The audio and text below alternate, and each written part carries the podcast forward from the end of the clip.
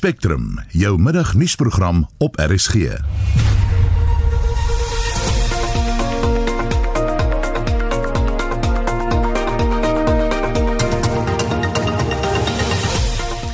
En in die volgende uur die konstruksiebedryf toon tekens van herstel. Verwarring heers oor die voorgestelde gewysigde tariewe vir die hernuwing van voertuig en bestuurderslisensies en 'n gesondheidsorgkenner sê die inperkingsmaatreëls moet hersien word. Goeiemiddag, die redakteur is John Estreisen, produksieregisseur Johan Pieterse en ek is Susan Paxton.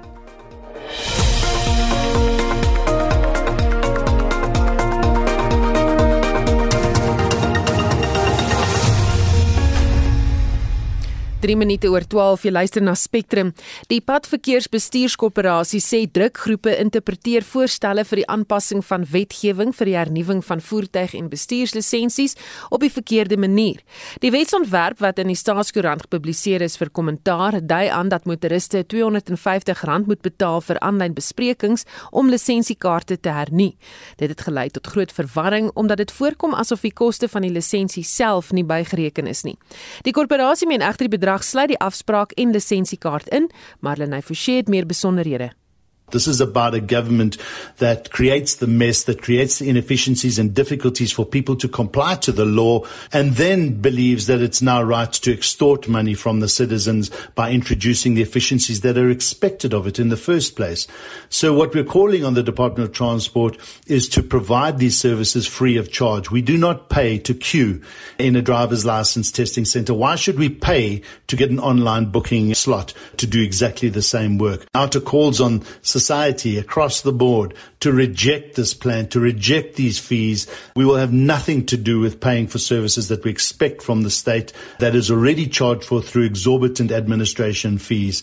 This is about money making and got nothing to do with providing services efficiently for society. So het die organisasie teen belastingmisbruik Outa se bestuurshoof Wayne Divenage gisteraand op die nuus gereageer. Die padverkeersbestuurskorporasie het intussen gesê geen ekstra geld word bygevoeg nie, maar die AA se woordvoerder Luitenant Beard sê hulle steeds nie tevrede nie. Die bewoording van die staatskoerant is verskriklik onduidelik. Natuurlik moet ons kyk na die bewoording wat tans daarin is en volgens daai bewoording sê dit vir aanlyn besprekings om jou lisensie te hernie moet jy R250 betaal en dit is natuurlik vir ons totaal onvanpas.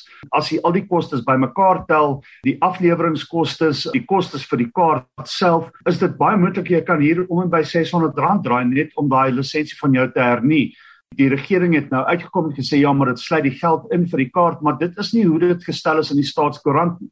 En totdat hulle dit wysig, neem ons aan dat dit nie die kaart insluit nie en dit is natuurlik 'n groot probleem. Die AA is veral bekommerd dat die situasie tot verdere nadeel van Gautengse motoriste sal strek omdat hulle slegs aanlyn kan aansoek doen vir hernuwings. Die stelsel is boonop glad nie doeltreffend nie. Ek kry oproepe en e-posse elke liewe dag van mense wat kla en sê ek kry eenvoudig nie 'n afspraak nie. Ek kan nie 'n slot kry nie. Ek kom net nie daar op daai punt nie.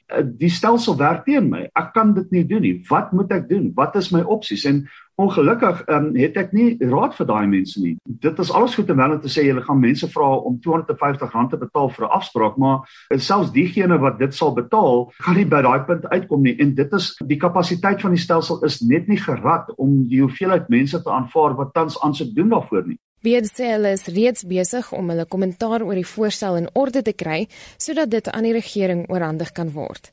Ons gaan ook 'n aanlyn petisie bymekaar kry sodat ons vir die regering kan sê want dit is nie net die AA of 'n paar ander groepe wat hierteen gekant is nie, dit is die publiek van Suid-Afrika. Hoopelik sal die regering daarna luister en hulle sal hierdie R250 afspraak fooi wegvat en hulle sal ook kyk na die fooie wat betaal moet word om hierdie kaarte te hernie. Jy betaal tans in die omgewing van R140 om jou kaart te hernie in die Wes-Kaap en Gauteng betaal jy R250. Ek dink die ander vraag moet gevra word is hoekom is dit nie gestandaardiseer oor die hele land nie? Hy moedig landsburgers aan om kommentaar te lewer. Nou mense kan gaan kyk na die staatskoerant. Dit is aanlyn. Daar is adresse waarna mense hulle opmerkings kan stuur. In ons submissie sal ons ook vir mense sê dit is waar jy jou eie kommentaar kan gee of jy kan bloot ons submissie ondersteun. Dit is jou geleentheid om jou stem dik te maak en ek dink doen dit. Dit is jou reg en jy moet dit uitvoer. Dit was Luitenant Beer, die AA se woordvoerder. Marlene Forsie, SAK nuus. Gerugte wil dit hê dat president Cyril Ramaphosa binnekort 'n familievergadering gaan hou. Dit volg op die bekendmaking dat die president die afgelope week as die voorsitter van die koronavirus bevelsraad met die bevelsraad, politieke partye en kerkleiers vergader. Dit het ook die gerugte laat opvlam dat die inperkingsvlak na 'n laer vlak aangepas gaan word. Die voorsitter van die Wits Universiteit se skool vir regeringskunde, maatskaplike veiligheid, professor Alex van den Neever, het vroeër aan SAK nuus gesê dit is hoogtyd dat die inperkingsmaatreëls hersien word word.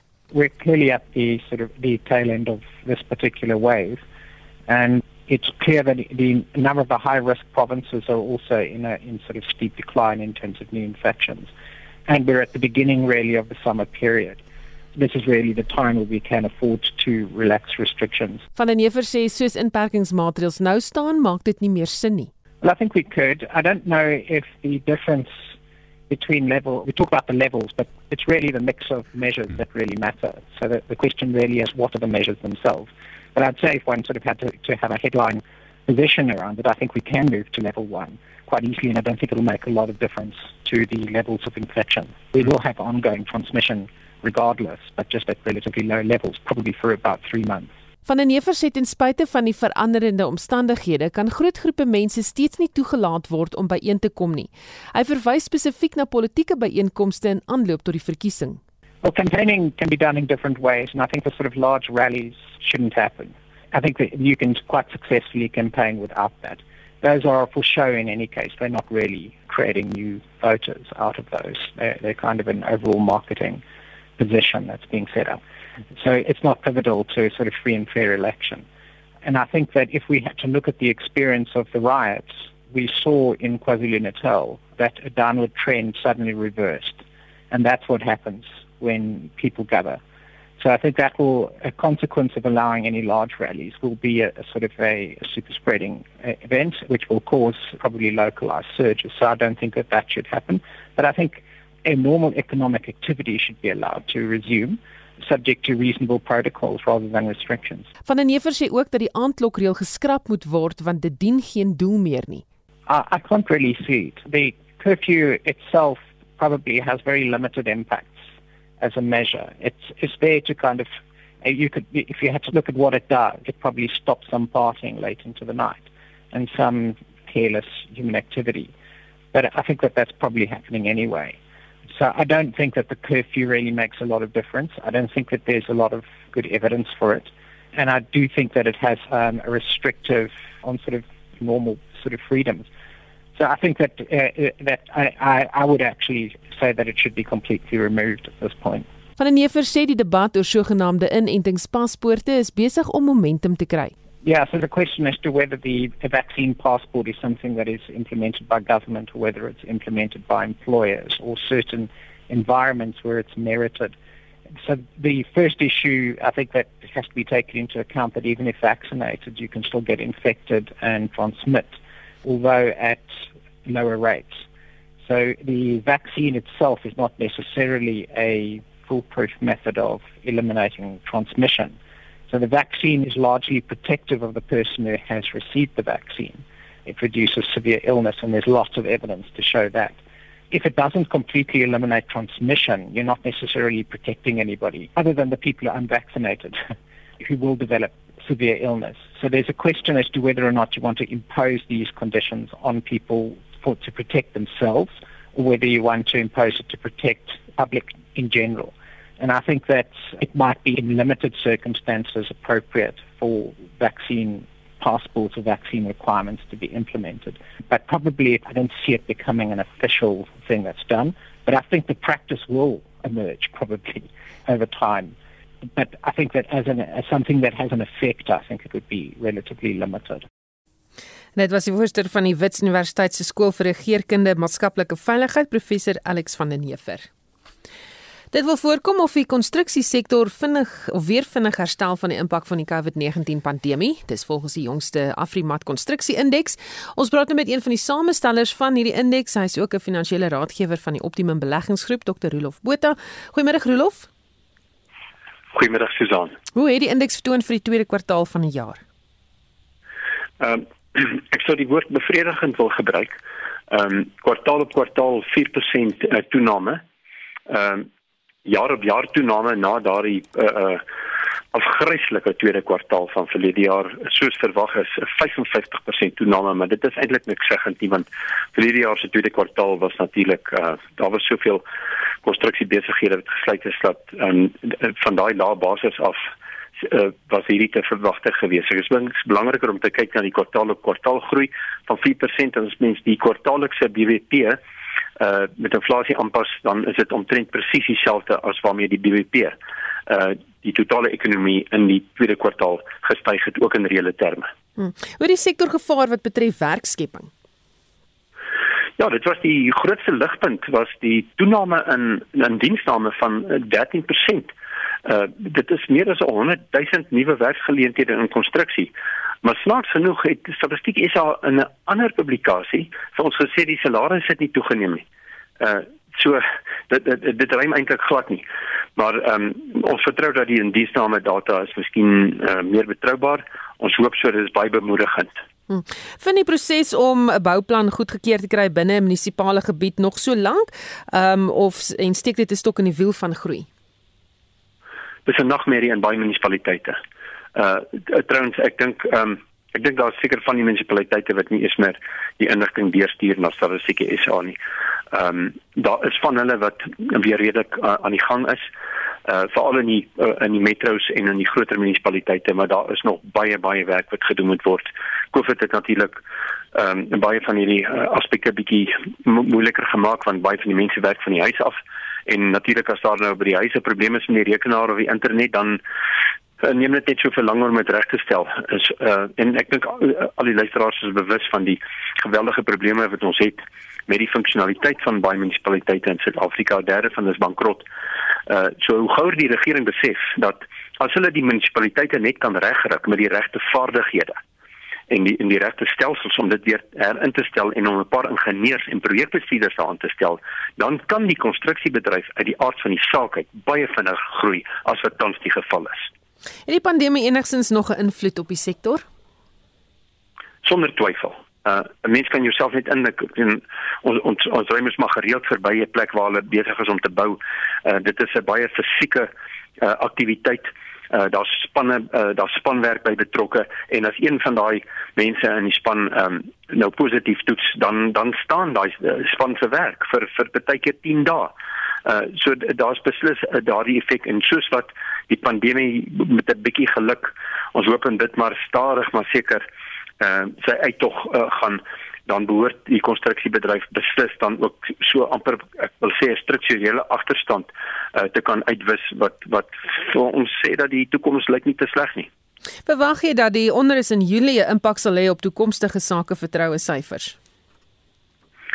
Ehm um, dis nog genoeg in die konstruksiebedryf uh nee. Die konstruksiebedryf gaan ongetwyfeld 'n baat vind.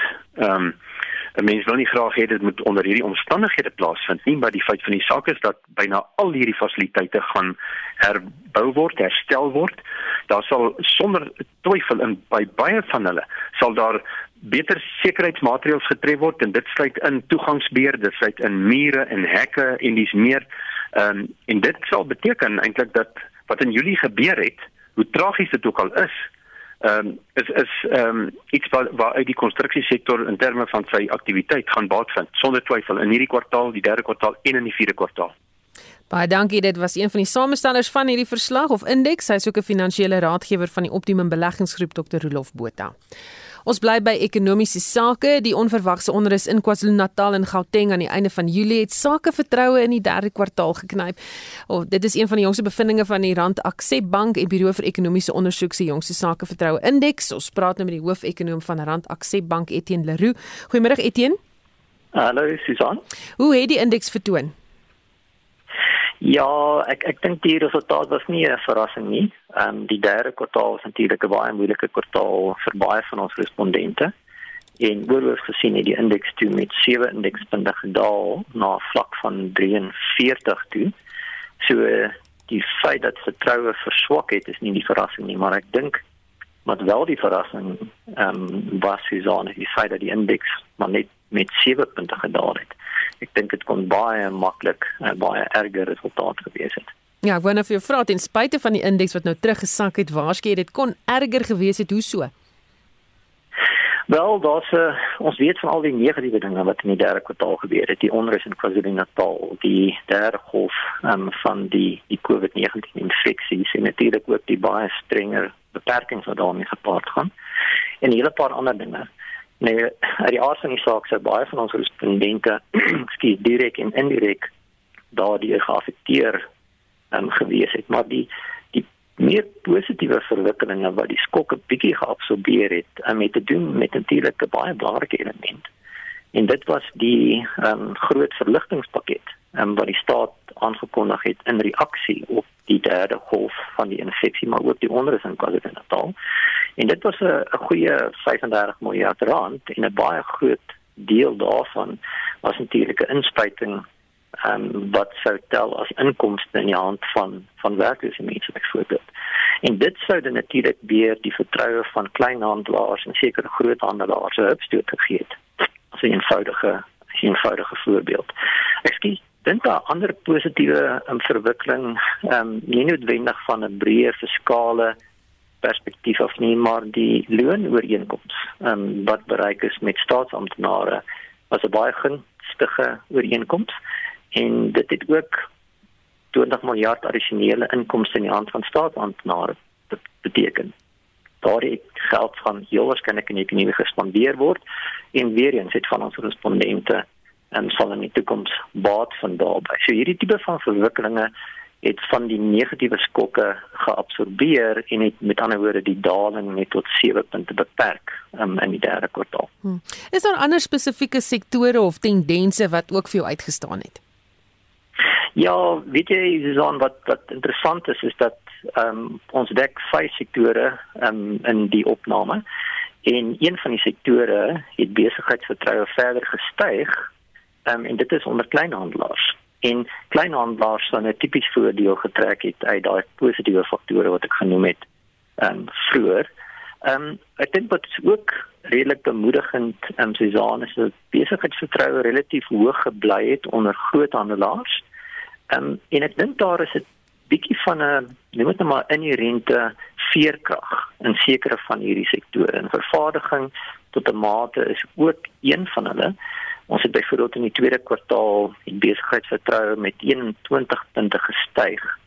In die, in die tweede kwartaal te vervaardigers en net net met 5 punte teruggesak in die derde kwartaal. So daar's 'n redelike sterk opwaartse tendens in daai sektor.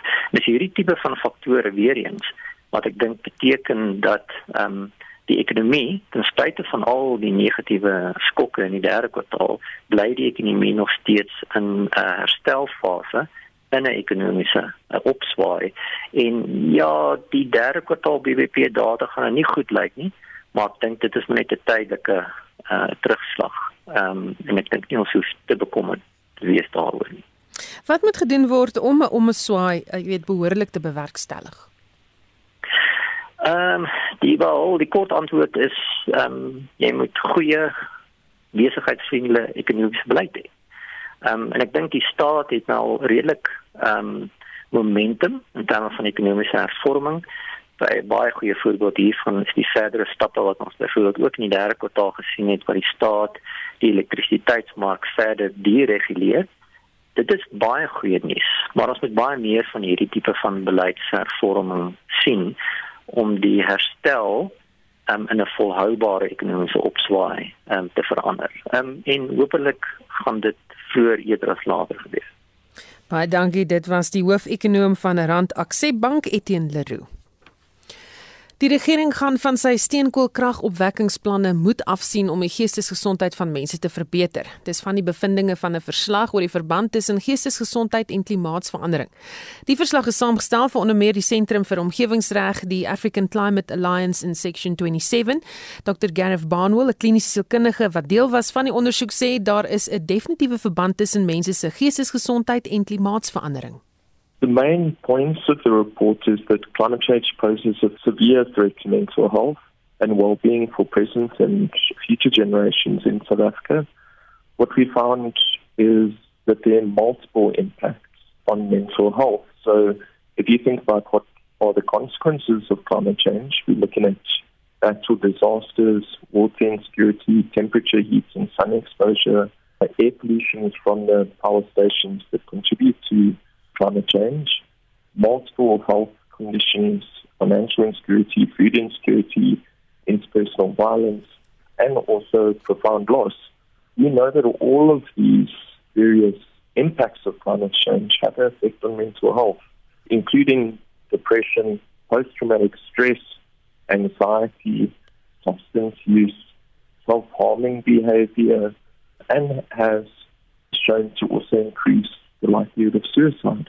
So, what we're talking about is profound mental health impacts and also potential death from climate change. Barnwell sê al meer mense begin die impak voel van klimaatsverandering op hulle algemene gesondheid.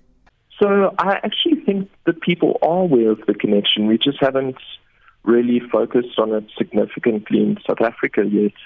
So if you listen to some of the climate activists speaking communities who have been affected by the, for instance, the Durban Easter flooding a couple of years back, the Knysna fires in the garden routes, day zero, everyone speaks about the mental burden that comes from experiencing these type of events. So I think it's very much people are experiencing these things. They're not even aware about it. They they actually experiencing these things in their daily lives. What we haven't done so far is really considered these impacts in policy or in the decisions that are being made. Barnwell sê dis uiters belangrik dat die regering sy verbintenis tot die Parys Klimaatsooreenkoms moet uitvoer. What I can say is so the report, my report at least, didn't focus on what government should do. What the report focused on is what, or the claim that I made is that inaction contributes to further psychological harm. So if you can think about it in that way, we know what scientists tell us that the continued investment in coal and gas powered industries, so procuring more gas and coal power stations may in turn have a negative impact on mental health. Bono sê mense moet ook begin besef dat daar oplossings beskikbaar is teen klimaatsverandering en dat hulle nie moet hoop verloor nie. So what we know is that it's not like alternatives don't exist. There are very clear pathways that are being proposed um, in South Africa, very much under the umbrella of the just transition. And what scientists tell us is that renewables are a very viable option.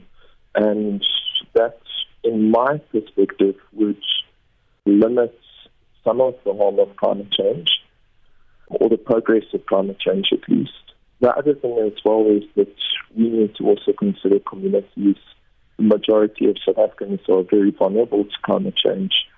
So considering these kind of legacies that we sit within South Africa is also important. En dit was Dr. Gerd Barnwell, 'n kliniese sielkundige. Die stigter en koreograaf van die Pussycat Dolls van Amerika, Robin Anton, dagvaar die groep se voorsanger Nicole Scherzinger. Dit glo nadat sy met uh, nie meer wil deelneem aan die groep se veelbesproke herenigingstoer nie. Sy soek glo groter aandeel wat haar meer kreatiewe beheer sou gee. Terwyl hofdokumente heen en weer vlieg, luister ons nou na een van hulle liedjies genaamd Hush Hush.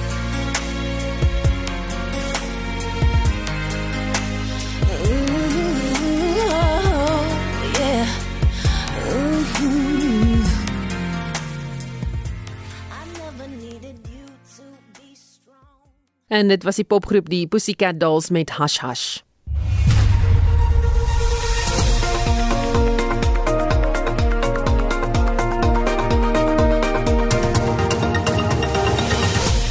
Half 1 en in die nuus die hoofekonoom van Rand Accep Bank Etienne Leroux sê die onverwagse onrus in Julie het sakevertroue in die derde kwartaal geknyp.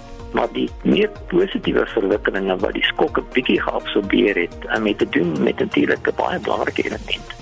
En dit was die groot verligtingspakket wat die staat aangekondig het in reaksie op die derde golf van die infeksie, maar ook die onrus in KwaZulu-Natal. 'n Nuwe verslag toon dat daar 'n definitiewe verband is tussen mense se geestesgesondheid en klimaatsverandering en begunstigdes van die distrik 6 hervestigingsproses is steeds in die donker oor wanneer hulle na hulle ou woonbuurt sal kan terugkeer. Bly ingeskakel.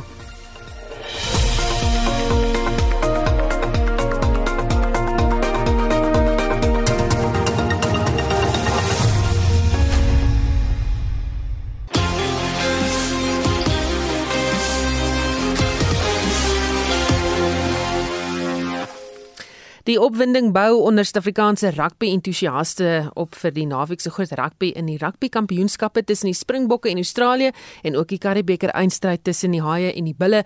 Die rugby-skrywer Lieten Koopman deel nou sy verwagtinge van die twee wedstryde met ons. Goeiemôre Lieten. Middag Susan. Uiteindelik na 2 weke in kwarantyne sal die Bokke hierdie Sondag weer in aksie wees. Watter uitwerking kan dit op hulle vertoning hê? Ja, jy's lekker 'n verligting dat ons weer Springbok rugby ehm um, gaan sien na ons en so lekker kon kyk um, tydens die Britse en Ierse leeustoer en dan Argentinië se twee toetse. Ehm um, uh, interessant uh, dat hulle uh, redelik goed goed voorberei het vir Australië. Al moes hulle vir 'n vir 'n week en 'n half lank eers in die hotel dit doen, ehm um, voordat hulle weer op die op die oefenveld kon kom. Maar uh, na na ons vanmiddag uh, vroeër na Jacques Ninaber hulle afrigter geluister het, um, klink dit of hulle heel optimisties en en gerad is vir ehm um, die eerste toets daar in Australië. Wie sal die beseerde Jason Colby se plek kan vol staan indien hy nie deel is van die bokspan wat vandag bekend gemaak word nie? Dit is nou uiteindelik bevestig ehm um, dat dat Cheslin uit is met daai besering. So ehm um, 'n baie bekwame plaasvervanger in Saboon Kosi gaan sy ehm um, 14 try oorneem. Ons ons weet natuurlik Sabo is is uh, een van die dodelikste afronders um, in in in Springbok rugby. Uh en hy ek dink hy sal baie goed in tandem met met Willie en dan Makazole Mapimpi op die ander vleuel uh, skakel Dan jou verwagting vir Saterdag se tweede Karibeker eindstryd in dieselfde seisoen, dis nou weens COVID tussen dieselfde twee spanne. Ja, uh, duidelik kan ons sien uh, wie die twee top spanne in Suid-Afrikaanse rugby tans is. Uh die Bulle en die Haie, veral daai daai Bulle span en en op Fort Loftus gaan maar 'n moeilike span wees om geklop te word. Hulle afrigter het het uitstekend raak gevat die die laaste jaar met die spanne wat hy elke keer gekies het om om te speel en en mense kon net sien hoe die bulle van krag tot krag gegaan het en is dis geen wonder dat hulle tans die toonaangewende span in Suid-Afrikaanse rugby is nie.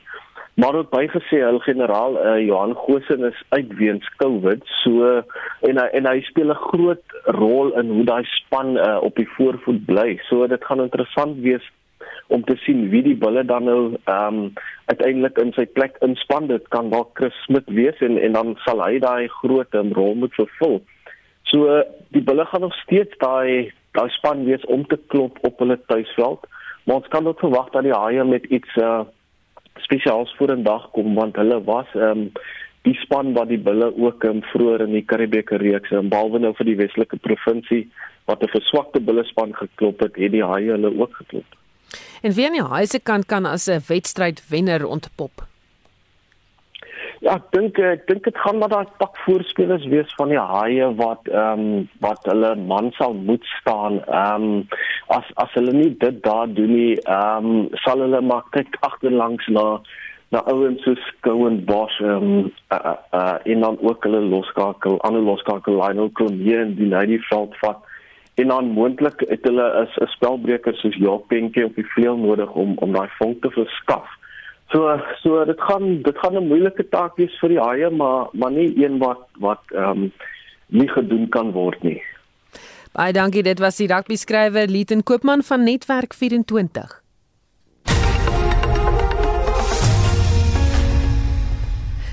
Dit is erfenismaand en begunstigdes van die distrik 6 hervestigingsprosesse steeds in die donker oor wanneer hulle na hulle harsplek sal kan terugkeer.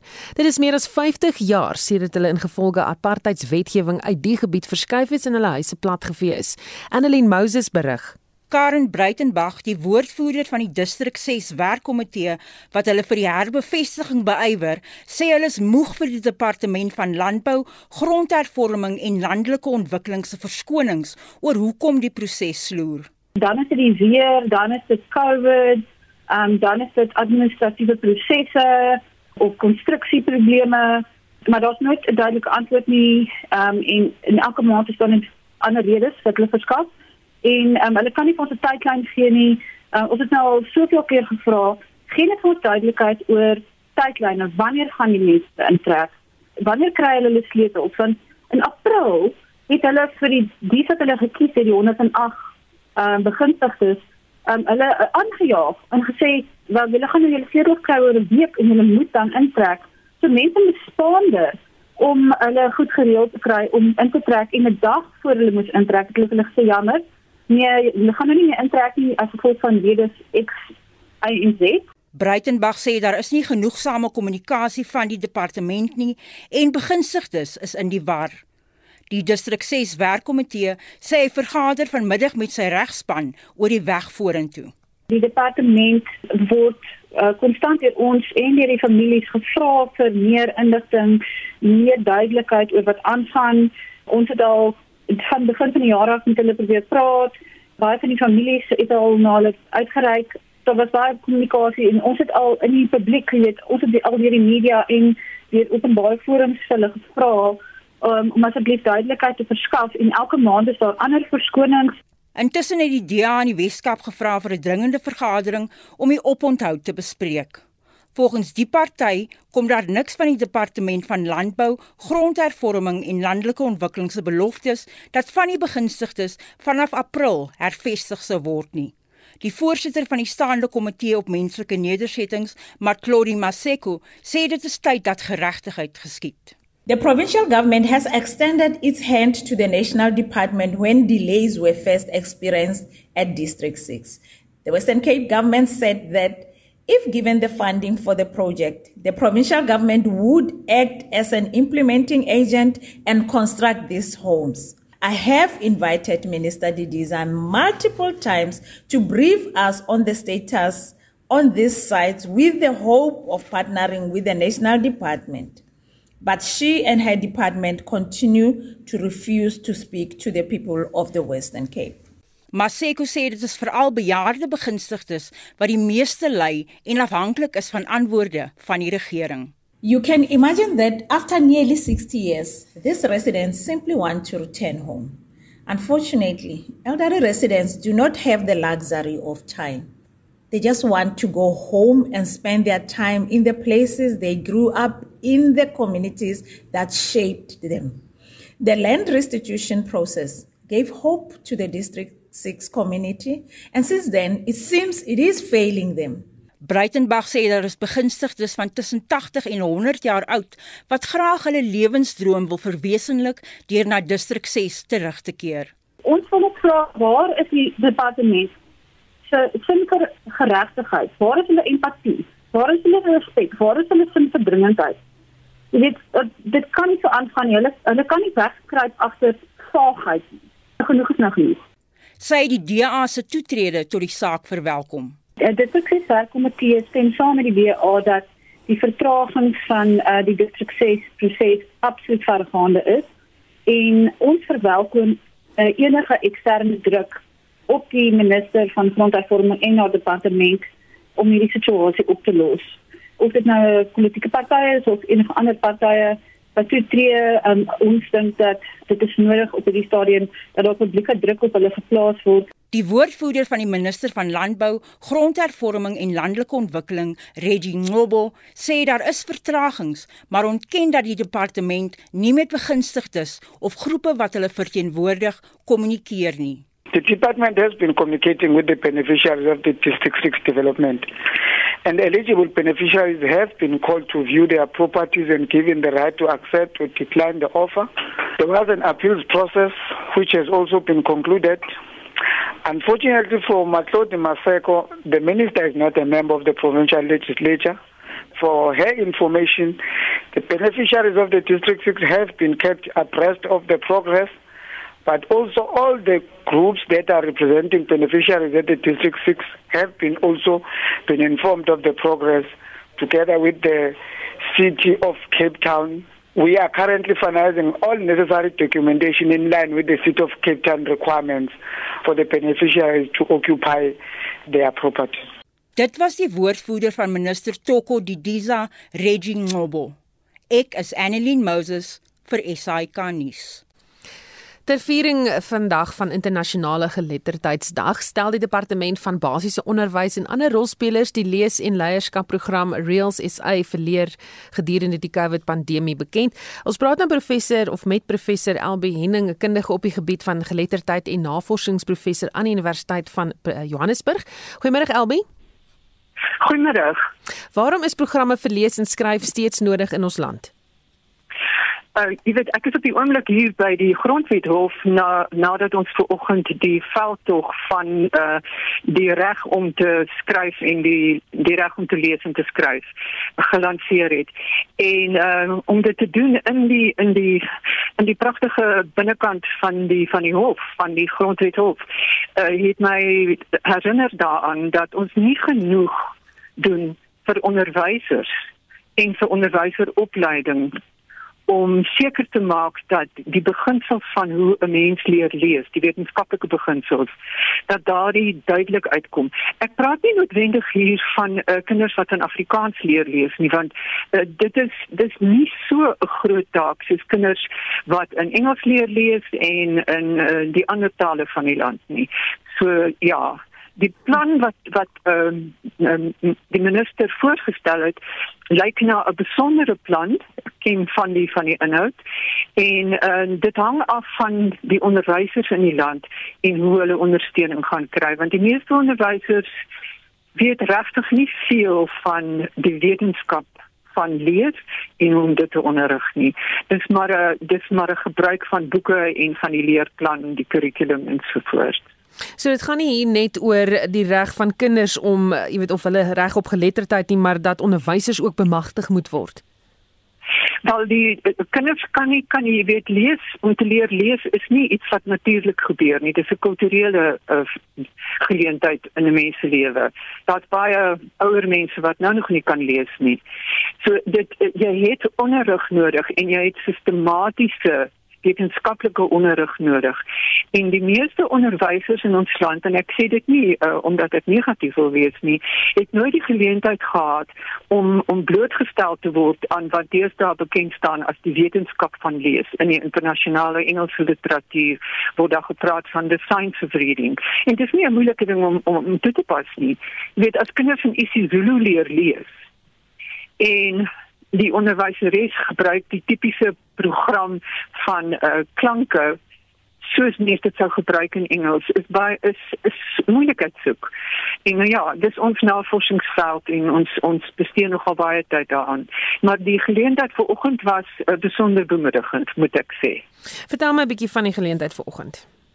Ja, wel dit is nou hier um, die die Suid-Afrikaanse Menseregte Kommissie het nou al vir die afgelope wat waar hoeveel dink ons is nou al 2 jaar daarmee besig besig met ehm um, uh, afdeling 11 section 11 ehm uh, um, aangeleentheid met die kommissaris van die onderwysafdeling van die ehm um, van die kommissie om navorsing te doen en 'n uh, eerste referaat te lewer soos dit nou vanoggend gedoen is en gepubliseer is.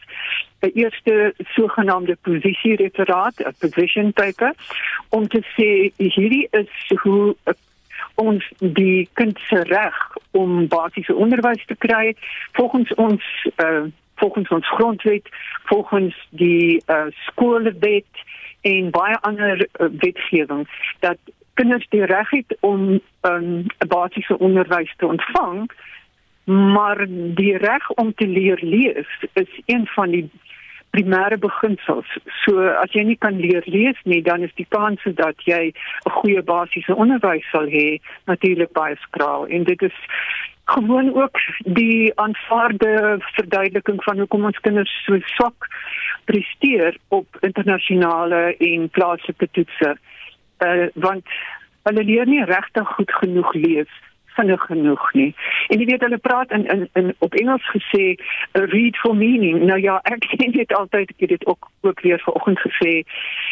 Uh as jy mens lees sonder dat jy verstaan wat jy lees, dan lees jy nie dan herken jy net sekere simbole, maar jy lees nie. So jy moet 'n woordeskat hê en jy moet 'n bietjie agtergrondkennis hê en jy moet lees om te verstaan. Anders is dit wat jy doen nie lees nie. Dis dan iets anders. Wat kan ouers doen om te help om hulle kinders se geletterdheid van geboorte af op te skerp? Ek weet eh, die belangrikste ding in die eerste 4 jaar van 'n 'n kind wat nie noodwendig enige uh, enige agterstand het nie om in die eerste 4 jaar seker te maak dat 'n kind soveel as moontlik hoor en praat luister en praat want dit is die die klanke en die woordeskat en die sinskonstruksie van 'n kind wat gevestig word sodat as jy dan skool toe gaan en leer om die geskrewe simbole te ontleed dan het jy klaar die die ondersteuning uh die, die ja die uh, kan ek 'n Engelse woord gebruik? You got the backup jy die ondersteuning van jou mondelinge taal wat goed ontwikkel is. En dit is ook vir baie van die kinders wat sukkel om te leer lees een van die oorsake is dat hulle nie genoeg gehoor en gepraat het nie dat hulle nie genoeg interaksie gehad het met mense in hulle omgewing in 'n mondelike 'n mondelinge um, situasie. Ek sê ek staan hier buite by die hof en dit is 'n bietjie lawaaierig. Ja. Goed, dis reg. Baie dankie. Dit was professor Elbe Henning van die Universiteit van Johannesburg wat ons gepraat het oor geletterdheid. Die DA sê hy is baie ontevrede dat sy versoek om die intelligensieverslag oor die onrus in KwaZulu-Natal en Gauteng openbaar te maak geweier is. Die DA voer aan dat dit in landsbelang is dat almal moet weet wat gebeur het. Die Staatsveiligheidsagentskap sê egter dis nie standaard praktyk om die inligting openbaar te maak nie. Die dekaan van Geesteswetenskappe aan Akademia, professor Pieter Dievenaar gesê, alhoewel dit belangrik is dat die publiek uiteindelik uitvind wat presies aangegaan het, kan die openbaarmaking van die verslag op die stadium ondersoeke na die gebeure ondermyn. Wel ek dink die DA is binne regte om so iets te vra, maar die groot vraag is natuurlik die konteks, nê? Of dit sin maak en of dit die gebruik is dat mens toegang tot hierdie tipe van verslae kan kry, nie net in Suid-Afrika nie, maar wêreldwyd. Maar miskien moet 'n mens net gou na die agtergrond kyk, kyk die intelligensieverslag soos jy reg gesê het, is in Julie oorhandig deur die destydse minister van staatsveiligheid, minister Ayanda Dlodo vir veiligheidsamptenare. Dit was ons in Julie.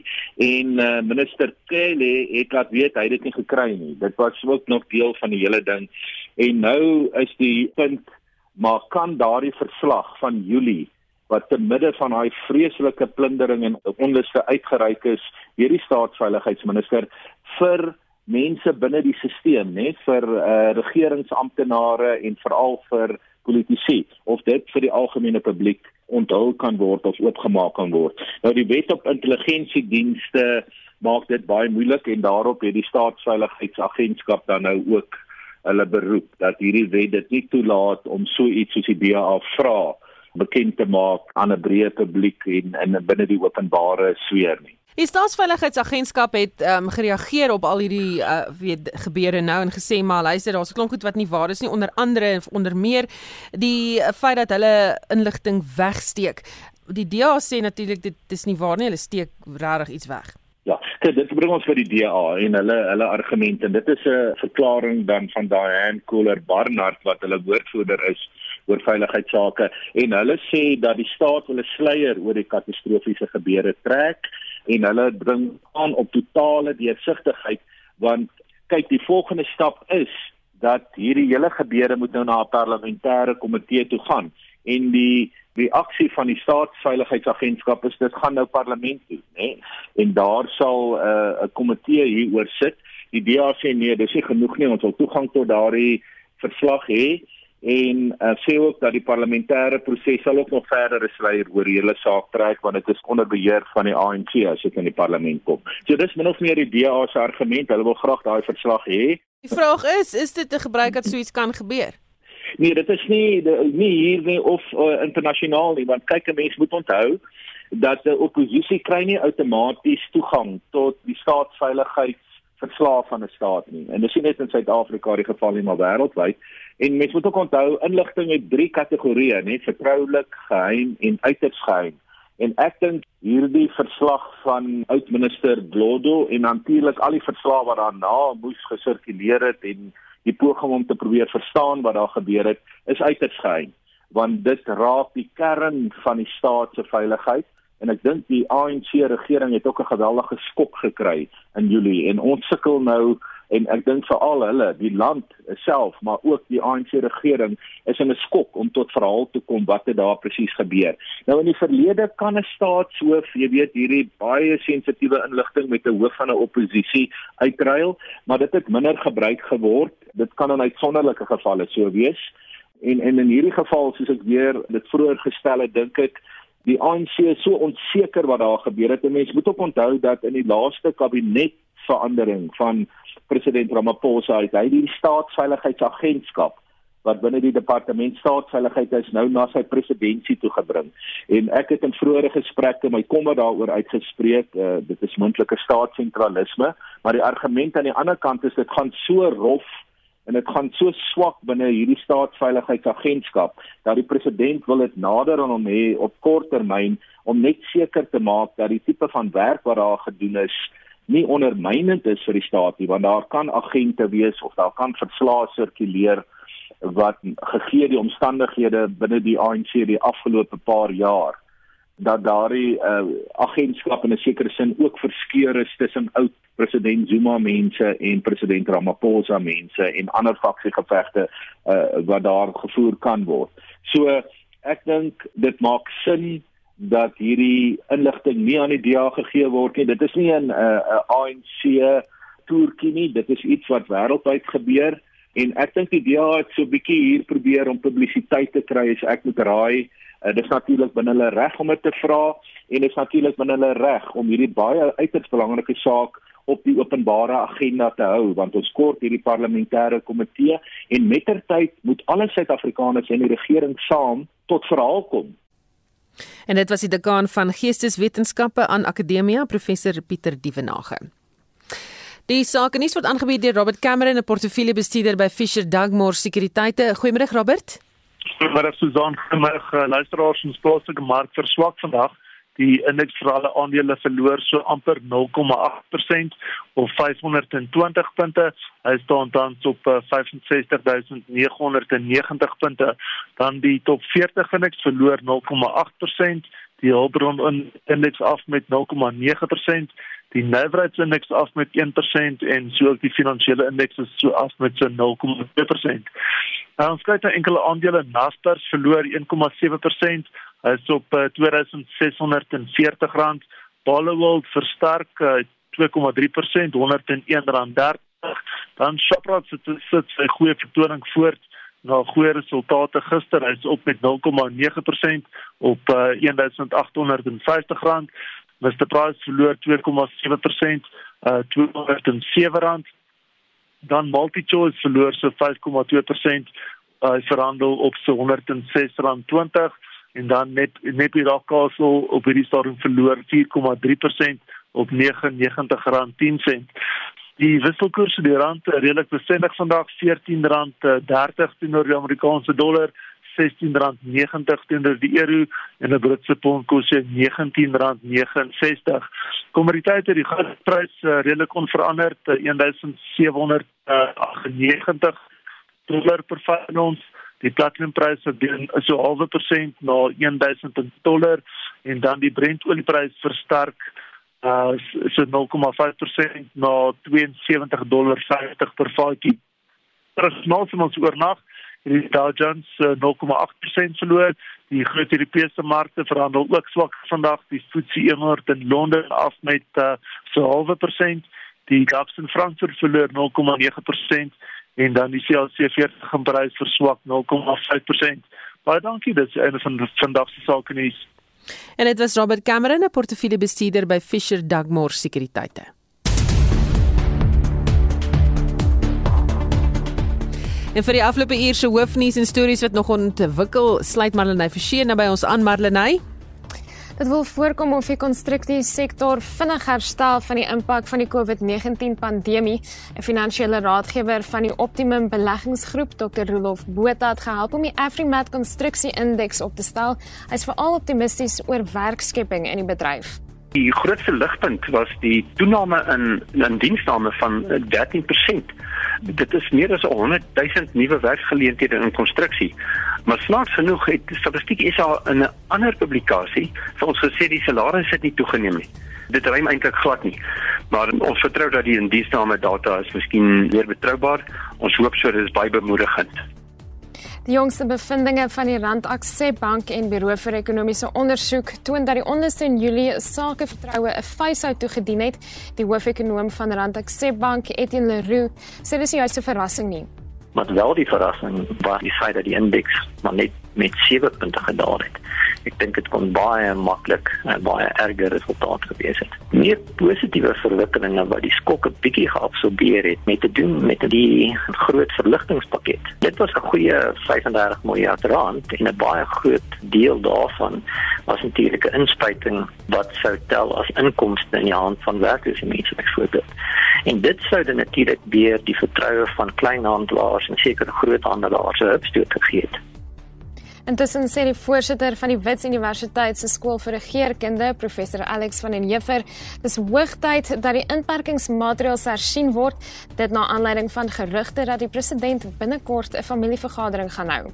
We're clearly at the tail end of this particular wave. It's clear that the number of the high risk provinces are also in a in sort of steep decline in terms of new infections. And we're at the beginning really of the summer period. This is really the time where we can afford to relax restrictions. En ons het kort tevore verneem Suid-Afrika se rugby wêreldbeker held Cheslin Kolbe is nie ingesluit in die span wat Sondag teen Australië in Queensland te staan kom nie. Hy het 'n besering opgedoen en word vervang deur Boom Kossie. Daar's ook vyf veranderings in die pak voorspelers wat verlede maand teen Argentinië gespeel het. Meer hieroor in Monitor môre. En nog 'n storie wat ons dophou is die ad hoc komitee se vergadering dis oor die verandering van artikel 25 van die grondwet. Dit handel oor grondonteeneming sonder vergoeding en dan word besluit of die huidige voorstel goedgekeur en aan die nasionale vergadering voorgelê kan word. En dit was ons verslaggewer Marlenae Forsie. Onthou 360 net hierna bespreek 'n dieet vir mense met diabetes en gesels met Ramon Alexander oor Kaapse jazz bly ingeskakel daarvoor. Ons het namens ons uitvoerende regisseur Nicoline de Wet, die redakteur John Estreisen en produksieregisseur Johan Pieterse. Ek is Susan Paxton bly ingeskakel.